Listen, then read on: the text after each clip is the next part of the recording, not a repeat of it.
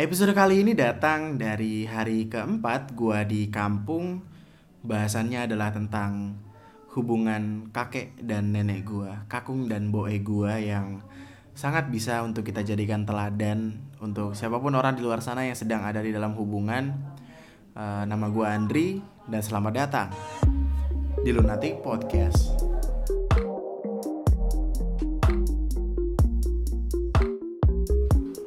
Jadi gue kan adalah tipikal orang yang uh, kali dijadiin tempat cerita teman-teman gue ya kayak orang-orang yang emang udah kenal gue banget, orang-orang yang udah serak banget sama gue dan udah temenan lama gitu rata-rata ya bakal cerita tentang masalah relationshipnya gitu ke gue. Yang mana gue juga nggak tahu kenapa karena gue gue pun kalau ngedengerin cerita orang tuh nggak yang banyak ngomong atau apa ya gue cuma bakal jadi pendengar aja gitu diem terus ngedengerin gitu loh apa ya kalau bahasa Jawanya tuh uh, linggo terus ngerungok neng ngono loh.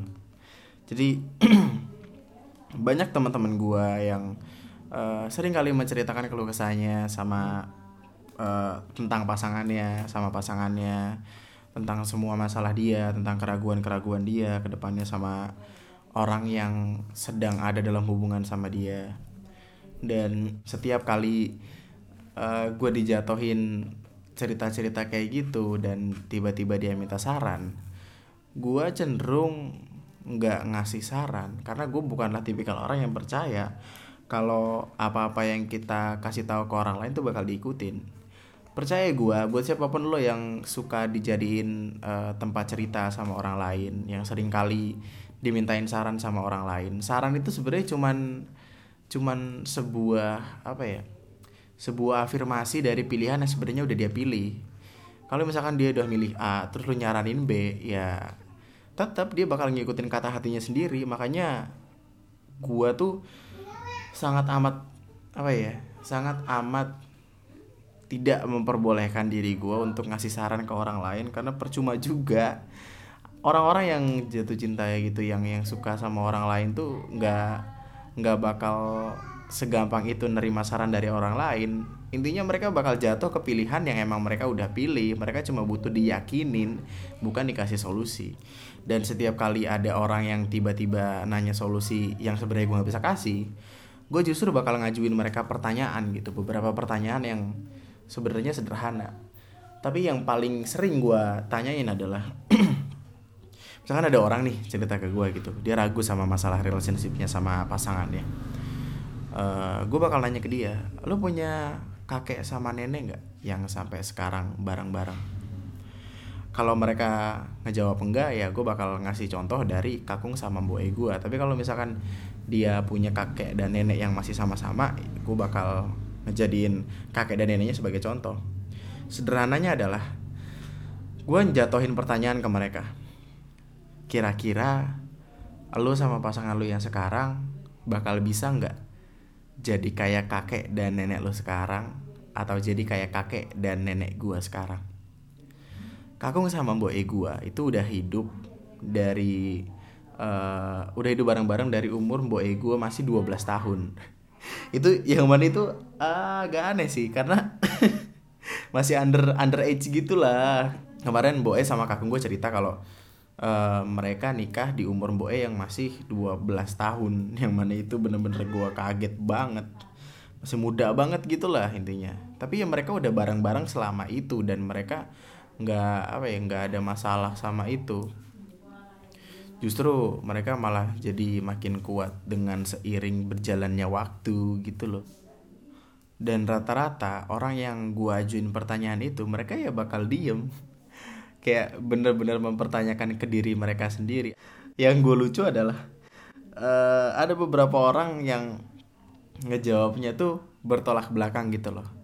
Gue tuh biasanya kalau kalau dijadiin tempat cerita orang lain gue bakal ngambil sudut pandang dari dua sisi kan. Gak mungkin gue dari satu sisi doang karena kalau dari satu sisi doang gue kesannya bakal ngejat si sisi yang salah. Padahal yang yang salah tuh nggak selamanya salah. Bisa aja yang salah ini jadi salah karena yang satunya ini salah. Waduh bingung gak di bapak ini? Jadi intinya kalau ada orang cerita ke gue misalkan si A cerita ke gue pasangan itu si B ya gue bakal nanya juga ke si B gimana gue berani kayak gitu karena ya rata-rata orang yang cerita ke gue tuh dua-duanya satu pasang ini kenal sama gue jadi gue dijadiin penengah gitu loh sama mereka. Emang pada bajingan aja kayak apa sih si bapak? Malah salah lu sekelarin sendiri nape? Cuma ya gue ngerti lah di luar sana banyak orang yang butuh saran juga dari orang lain butuh advice gitu atau butuh diyakinin dan butuh di apa ya diceritain lah. Butuh jadi tempat butuh seseorang buat jadi cer tempat ceritanya dia waktu itu ada yang gue tanya kayak gitu kan. Kedua belah pihak gue tanya eh, kira-kira lu bisa nggak jadi kayak kakek dan nenek lu sekarang? Ya cewek jawab dengan mantap bisa kok. Soalnya gue yakin soalnya gue dari dulu juga udah sempat mikir-mikir kalau gue nikah gimana dan segala macam gitu. Yang cowoknya gue tanya seketika langsung menjawab oh tidak yuk kok bisa bertolak belakang kayak gini? Dan kalau udah ada di keadaan kayak gitu justru guanya yang bingung. Karena uh, eh, gue tahu seolah-olah kayak gue tahu rahasia dari masing-masing pihak gitu loh. Kayak yang cewek yang meskipun kesannya kayak jutek jahat uh, keselin ngeselin segala macam tapi dia justru orang yang pengen hubungan itu lancar sampai nikah sampai jadi kakek nenek. Yang satunya yang kayak seolah-olah memperjuangkan hidup dan mati hubungan mereka malah tidak yakin. Dan itu tuh kayak ngebuka pikiran gue gitu loh buat ngasih mereka saran.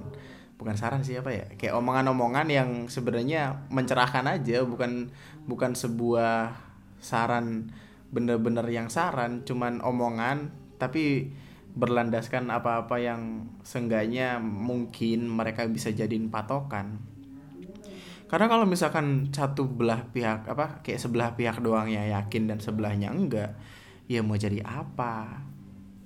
Mau gimana? Mau ngapain? Untuk apa? Tersesat dalam sebuah ketidakyakinan dan tetap lanjut sama itu. Dulu gue pernah bilang jangan pernah menyakiti dirimu sendiri dengan tetap melakukan apa-apa yang tidak kamu yakini. Dan buat siapa pun lo yang gak yakin sama pasangan lo ya pilihannya cuma dua. Eh cuma tiga. Yakinin diri lu sendiri yakinin pasangan lu atau ya ya udah yakinin kalau lu emang nggak cocok sama dia dan nggak pas sama dia. Pacaran kan kayak sepatu. Cocok-cocokan. Kalau nggak cocok kalau longgar kalau kesempitan ya buat apa juga gitu. Kalau kesempitan kan jadi kerasa nggak nyaman. Sakit. Kalau kelonggaran ya nggak nyaman dipakai. Uh, kalau jalan tuh suka lepas-lepas putus-putus gitu maksudnya. Ada ada ada ada ada ada saya bapak. Gue sering kali ngejadiin kakung dan boe gue sebagai patokan dari hubungan-hubungan yang seharusnya berjalan lancar karena hubungan kakung sama boe gue pun nggak berjalan nggak berjalan semulus itu sebenarnya. Gue tuh sering diceritain sama mak gue kalau uh, kakung sama boe sebenarnya sering berantem sering punya masalah lah gitu. Tapi di masalah itu mereka nggak nggak ada omongan buat pisah. Nggak ada omongan buat putus. Nggak ada omongan buat udahan buat hidup masing-masing enggak kalau mereka marahan ya marah aja. Marah-marah dalam hubungan apalagi yang suami istri ya santai biasa aja gitu. Tapi konteksnya adalah bukan dengan mengakhiri tapi dengan dicari solusi bareng-bareng. Terus sama-sama sama-sama gimana ya sama-sama senang-senang lah intinya gitu. Kakung sama mbok gua. Kakung tuh tipikal orang yang keras gitu loh yang yang bener-bener uh, api lah. Mbok itu tipikal orang yang lembut yang yang nggak pernah kesusu sama apa-apa yang pikirannya tuh kalau ya apa ya, kayak uh, wes lah alon-alon ae wis ngono kalem. Jadi kayak mereka bisa nenangin satu sama lain waktu mereka lagi ada masalah. Kalau kakung lagi berapi-api lagi yang bener-bener emosi yang kesel banget sama sesuatu boy itu bakal yang nenanginnya dengan kayak ngelus-ngelus dada kakung gitu. Terus lama-lama baik lagi dan percaya atau enggak cowok tuh lemah sama hal-hal kayak gitu dalam konteks apa pun misalkan lu berantem uh, misalkan si cewek bikin salah nih. Si cewek bikin salah nih eh ya anggaplah lu bikin salah tiba-tiba lu jalan sama Marwoto siapa Marwoto lagi si bapak? Aduh. Tiba-tiba si cewek lu nih lu jalan sama Marwoto terus cowok lu marah marahnya itu yang gak ketulungan gitu. Lu samperin terus lu elus elus dadanya gitu maaf aku minta maaf gitu. Jangan yang cuma diem sambil lihat-lihatan enggak. Kayak lu pegang tangannya atau lu elus elus dadanya gitu. Kayak biar tenang biar adem jadi air gitu di api. Bikin semuanya jadi tenang jadi baik-baik aja. Sebenarnya uh, nggak ada yang salah kalau misalkan kedua belah pihak tuh berapi-api atau kedua belah pihak tuh tenang. Cuma gua rasa untuk menjadi sebuah bagian yang utuh untuk jadi sebuah apa ya hubungan yang solid ya harus ada yang sisi keras dan lembutnya. Keras itu bisa dipakai buat ngelawan ngelawan parahnya dunia ngelawan ancurnya dunia. Kalau misalkan dua-duanya lembek dalam artian uh, katakanlah apa ya pokoknya ini ini ini konotasinya bukan negatif deh. Uh, jangan lembek apa ya nggak uh, kuat gitu. Ya semuanya bisa hancur bareng-bareng. Kalau chaos chaos bareng-bareng. Kalau misalkan yang satunya kuat yang satunya kayak uh, megangin si yang belakang megangin yang di samping buat ngedobrak pintu bareng-bareng buat jadi orang yang ada di bagian depan terus ngomong udah gampang. Nanti nanti aku yang urus. Udah gampang. Semuanya tenang serahin aja ke aku udah jangan takut kayak gini kayak gini gitu. Jadi kayak uh, ada di garda paling depan dari hubungan yang kalian punya harus ada satu orang yang keras buat ngelawan kerasnya hidup juga. Tapi harus ada juga satunya yang lembut buat ngerawat apa-apa yang udah didapat buat ngebikin semuanya jadi tenang kayak air. Buat ngebikin semuanya jadi berbunga-bunga gitu. Berbunga-bunga anjir intinya harus ada yang bagian belakangnya buat nahan yang depan. Kalau misalkan yang depan lagi rapuh terlalu keras berusaha terlalu keras uh, ngelawan apa-apanya. Jadi kayak bisa jadi tempat pulang paling nyaman gitulah. Setelah setelah dirusuhin sama dunia setelah dihancurin sama dunia bisa pulang dan bisa tenang. Kalau dua-duanya berapi-api takutnya ntar malah yang satunya ayo maju yang belakangnya. Apaan sih lu nyuruh nyuruh gue maju. Lu maju. Gue maju. Maju ayo. Apa sih? Aduh. Nggak jelas dah. Apaan sih? Aduh gimana sih tadi itu bayangannya? Sulai. Gimana ya rasanya? Ya intinya semoga lu dapat apa yang gue maksud lah aku sama boy gue tuh bener-bener udah bareng-bareng lama banget. Udah dari zaman kapan aja dari zaman sebelum 45 lah. Bokap eh kakung gua aja umurnya udah 70 70 something gitu mau 80 negara kita merdeka baru 70 sekian. Lah. Berarti lahir berapa? 10 tahun kayak 10 tahun kakung gua lari-lari di samping granat tapi gimana nih? Aduh. Terus kakung sama mbak gue kan hitungannya kayak sesepuh desa sini lah ya kayak orang tua gitu uh, dulur-dulur eh dulur. Ya sesepuh lah gitu intinya orang yang dituakan di sini dan orang-orang juga rata-rata kalau lebaran ke sini dulu.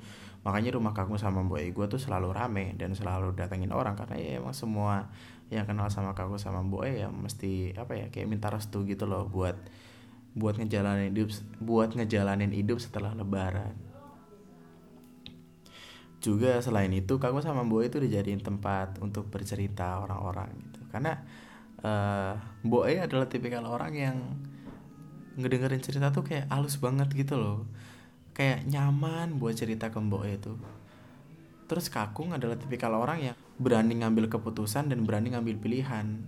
Jadi menurut orang-orang tuh orang-orang yang datang ke sini bakal cerita ke Boe dan bakal minta uh, pilihan, bakal minta saran ke Kakung, ke Mbah Kakung. Jadi sebuah apa ya sebuah pasangan yang tepat gitu. Gue nggak tahu beliau beliau sekalian itu belajar psikologi dari mana tapi kalau misalkan gue bahkan gue nih cerita cerita ke mbok ya sama kakung nyaman aja gitu rasanya. Kayak kayak udah kenal lama? Ya iyalah kemarin ada joke siapa ya stand up comedian ngejok kayak gitu.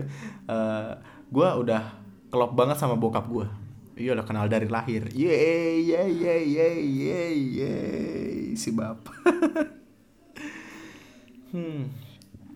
Makanya alasan kenapa gue selalu ngejadiin kakung sama boy gue sebagai patokan orang-orang yang berhasil dalam tanda kutip berhasil dalam hidup dalam hubungan ya karena itu karena mereka adalah contoh yang paling tepat bisa gue bilang. Coba sekarang misalkan lu lagi ada di hubungan sama pasangan lu dan lu ragu sama hubungan lu yang sekarang. Coba tanya diri lu sendiri apakah lo yakin sama orang ini? Kalau lo yakin ya jalanin terus. Sampai kalian berdua bener-bener uh, punya niatan yang utuh buat bareng-bareng selamanya omongan gue ini bakal baru bakal kerasa di sekitaran umur 21, 22 atau 23 ke atas lah gitu. Yang emang umurannya tuh umuran-umuran udah siap buat nikah. Bukan yang 18 19 lu mah dede dede ye yeah, masih dengerin podcast bapak nih podcast om. Uh, kalau pacaran tuh kalian nikmatin aja dulu buat pelajaran nih sekedar saran saran dari orang yang uh, umurnya udah lumayan. Biasanya eh, orang-orang yang pacaran baru sekali dua kali terus langsung nikah itu takutnya kaget karena gue punya seorang teman. Dia itu kan pacaran tuh jarang gitu pacaran cuma sekian kali itu uh, satu atau dua kali dan kelar sekolah dia langsung mutusin buat nikah. Dan nikahnya pun nikah tipikal nikah yang kenal sebentar langsung nikah gitu loh. Taaruf taarufan segala macem apalah itu gue nggak ngerti. Tapi tahu-tahu nikah dan hasilnya ya nggak sebaik itu. Emang di luar sana ada yang berhasil dan gue juga nggak bisa ngelak dari itu. Tapi pikiran gue adalah dengan lu ada di sebuah hubungan kayak lu pacaran sama orang terus putus pacaran terus putus. Itu ngasih lu perspektif baru ngasih lu pelajaran-pelajaran baru yang gak bakal lu dapat kalau misalkan lu jadian cuma sama satu orang.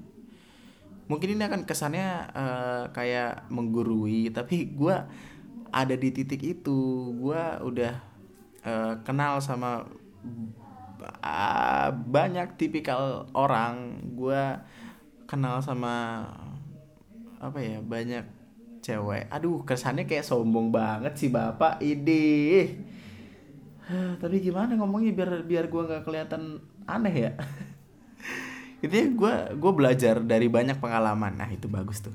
Gue belajar dari banyak pengalaman dan karena dari, karena banyak pengalaman itu seenggaknya gue jadi ngerti gimana caranya buat bersikap gimana caranya buat ngambil pilihan gimana cara gue ngeyakinin diri gue sendiri apakah orang ini bener atau enggak buat gue apakah gue yakin sama dia atau enggak apakah gue perlu ngeyakinin dia atau enggak. Karena itu semuanya butuh proses butuh yang butuh yang dinamakan pelajaran.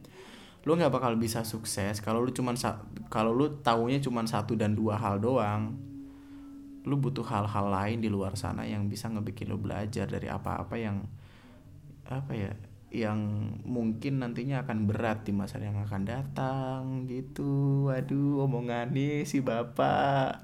Selamat datang di Mario Teduh Golden Always.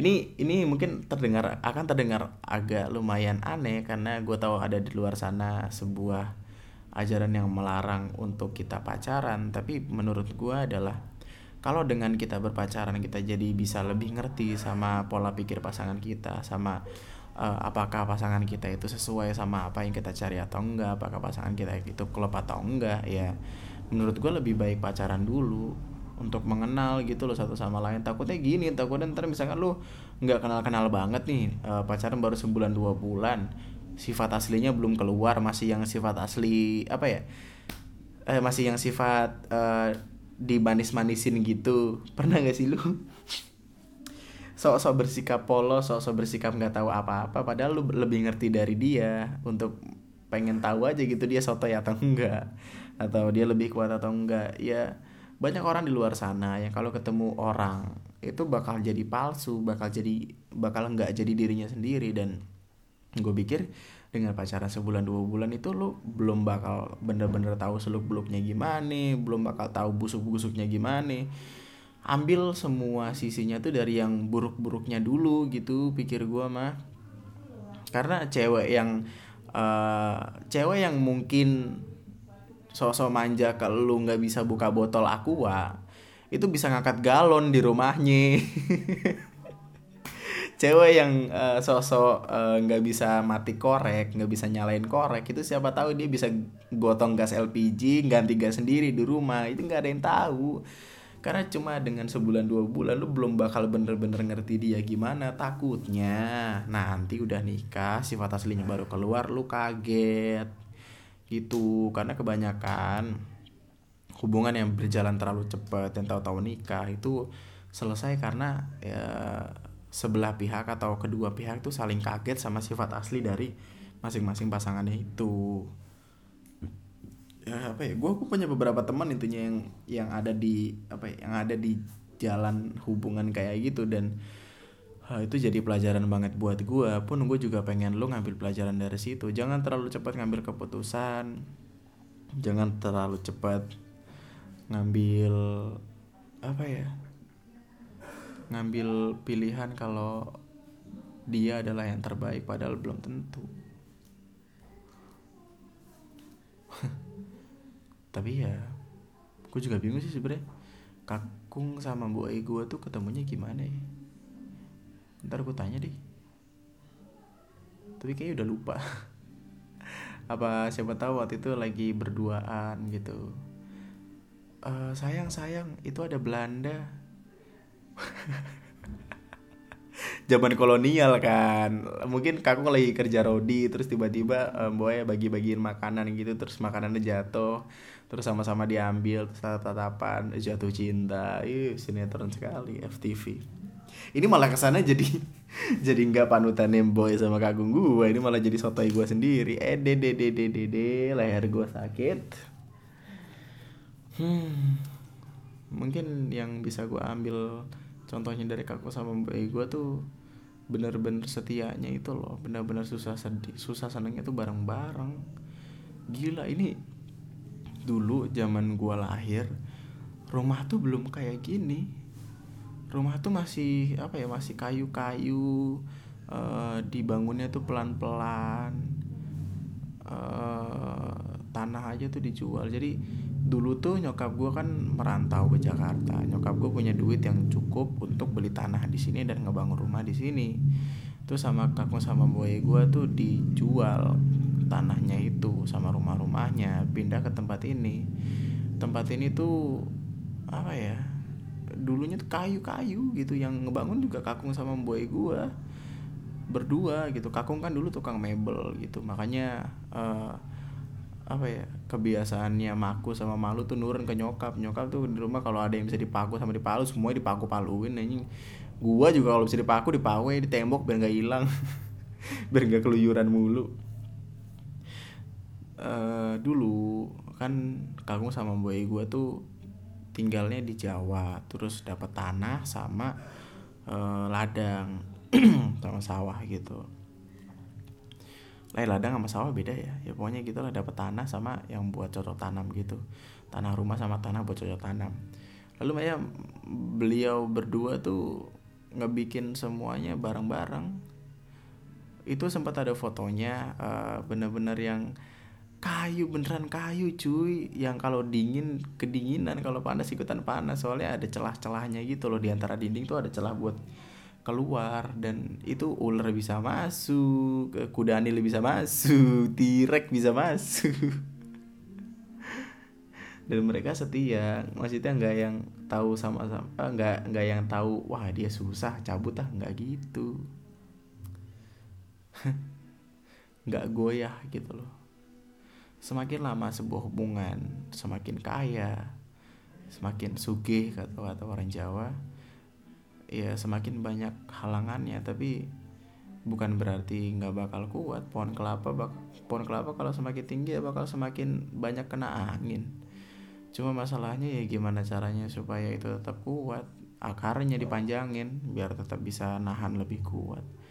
Dan kakung sama boy gue pun begitu. Setiap kali ada cobaan ya mereka nggak apa ya nggak nyoba buat matahin batangnya tapi ngebikin kuat itu dengan dengan kalimat dengan komunikasi sih. Itu pentingnya itu pentingnya komunikasi sih.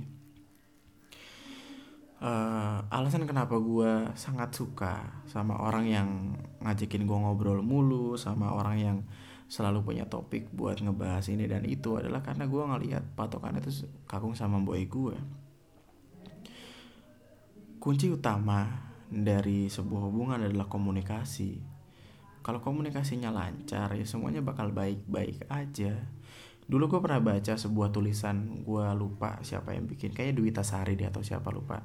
Itu tulisan ini uh, kayak gini. Cinta itu seperti reak eh cinta itu adalah reaksi kimia. Gabungan antara endorfin, feromon, dan serotonin. Ketika ketiga zat itu bertemu, muncullah sebuah zat baru bernama cinta. Tapi lama kelamaan, cinta bisa hilang. Dan pertanyaannya adalah, kok bisa kakek dan nenek gue bisa bertahan sebegitu lama dengan tanpa adanya cinta? Karena mereka punya yang lebih dari itu. Mereka punya empati, mereka punya komunikasi. Komunikasi itu yang ngejaga gitu. Kayak pagar dari hubungan kakung sama nenek gue. Kalau pagarnya rusak, orang bisa masuk atau yang di dalam bisa keluar. Dan komunikasi itu sangat amat penting karena dengan adanya komunikasi semuanya bakal jelas. Makanya kalau ada masalah sama pasangan lu diomongin. Jangan cabut jangan tahu-tahu bilang udah aku ngantuk. Di di di di di, di. atau uh, misalkan cemburu cemburu ngomongnya kayak oh ya udah have fun. Hehe wele atau update Instagram story hordeng lagu-lagu sedih pakai tulisan mood.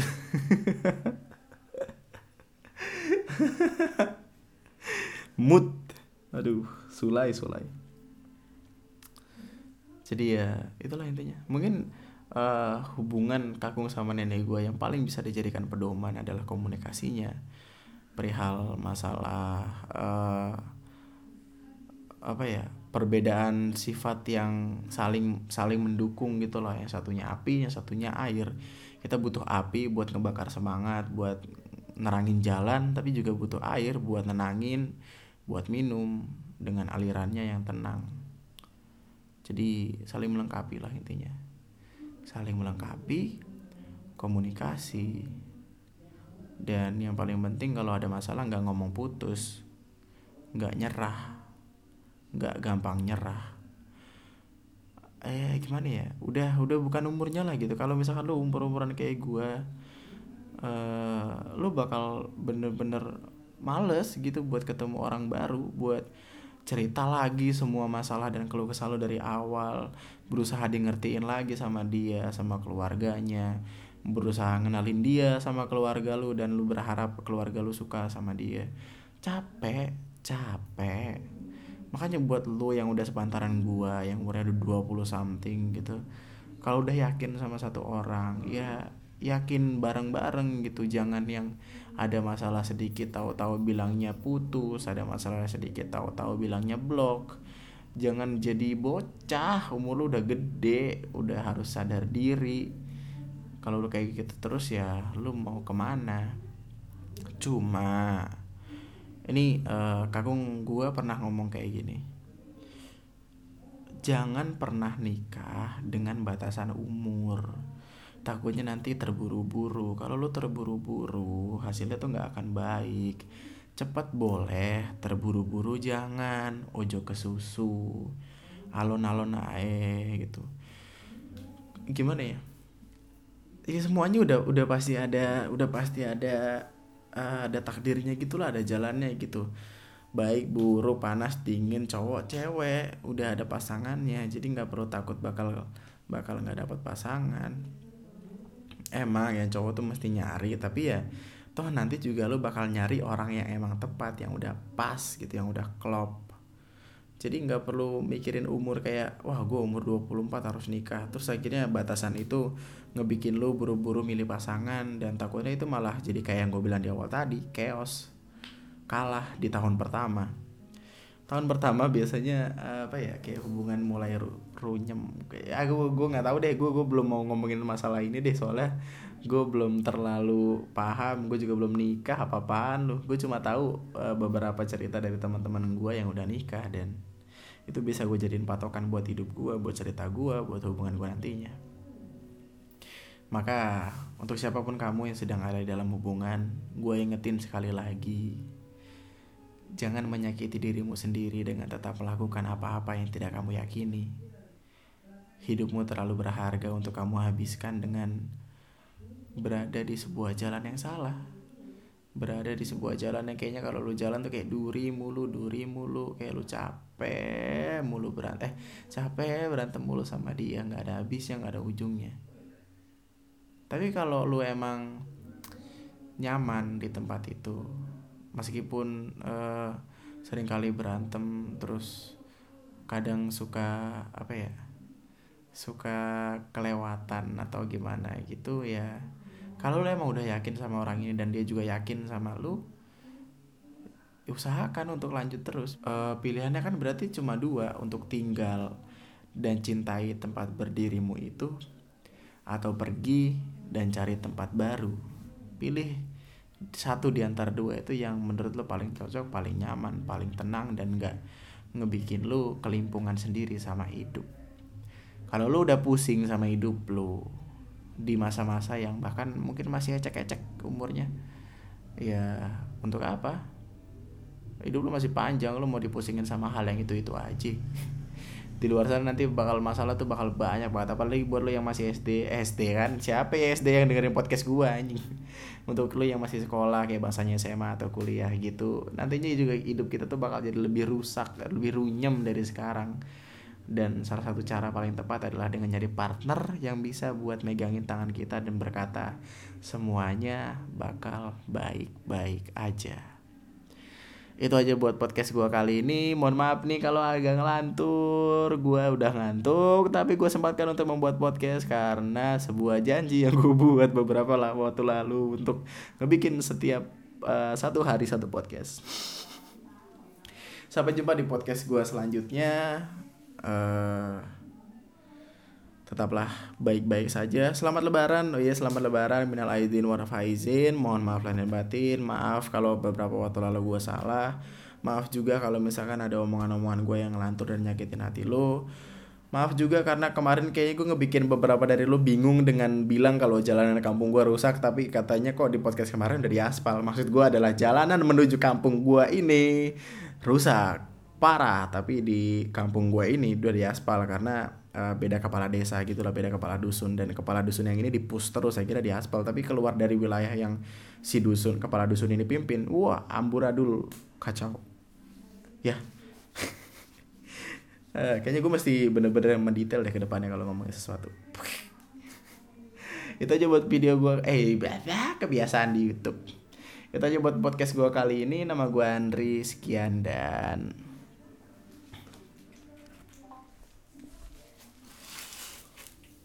Boy ketemu kakung waktu lagi apa sih, Mbok? Hah? Boy dulu waktu ketemu kakung pertama itu lagi ngapain? Lagi ini penasaran serius mau nanya.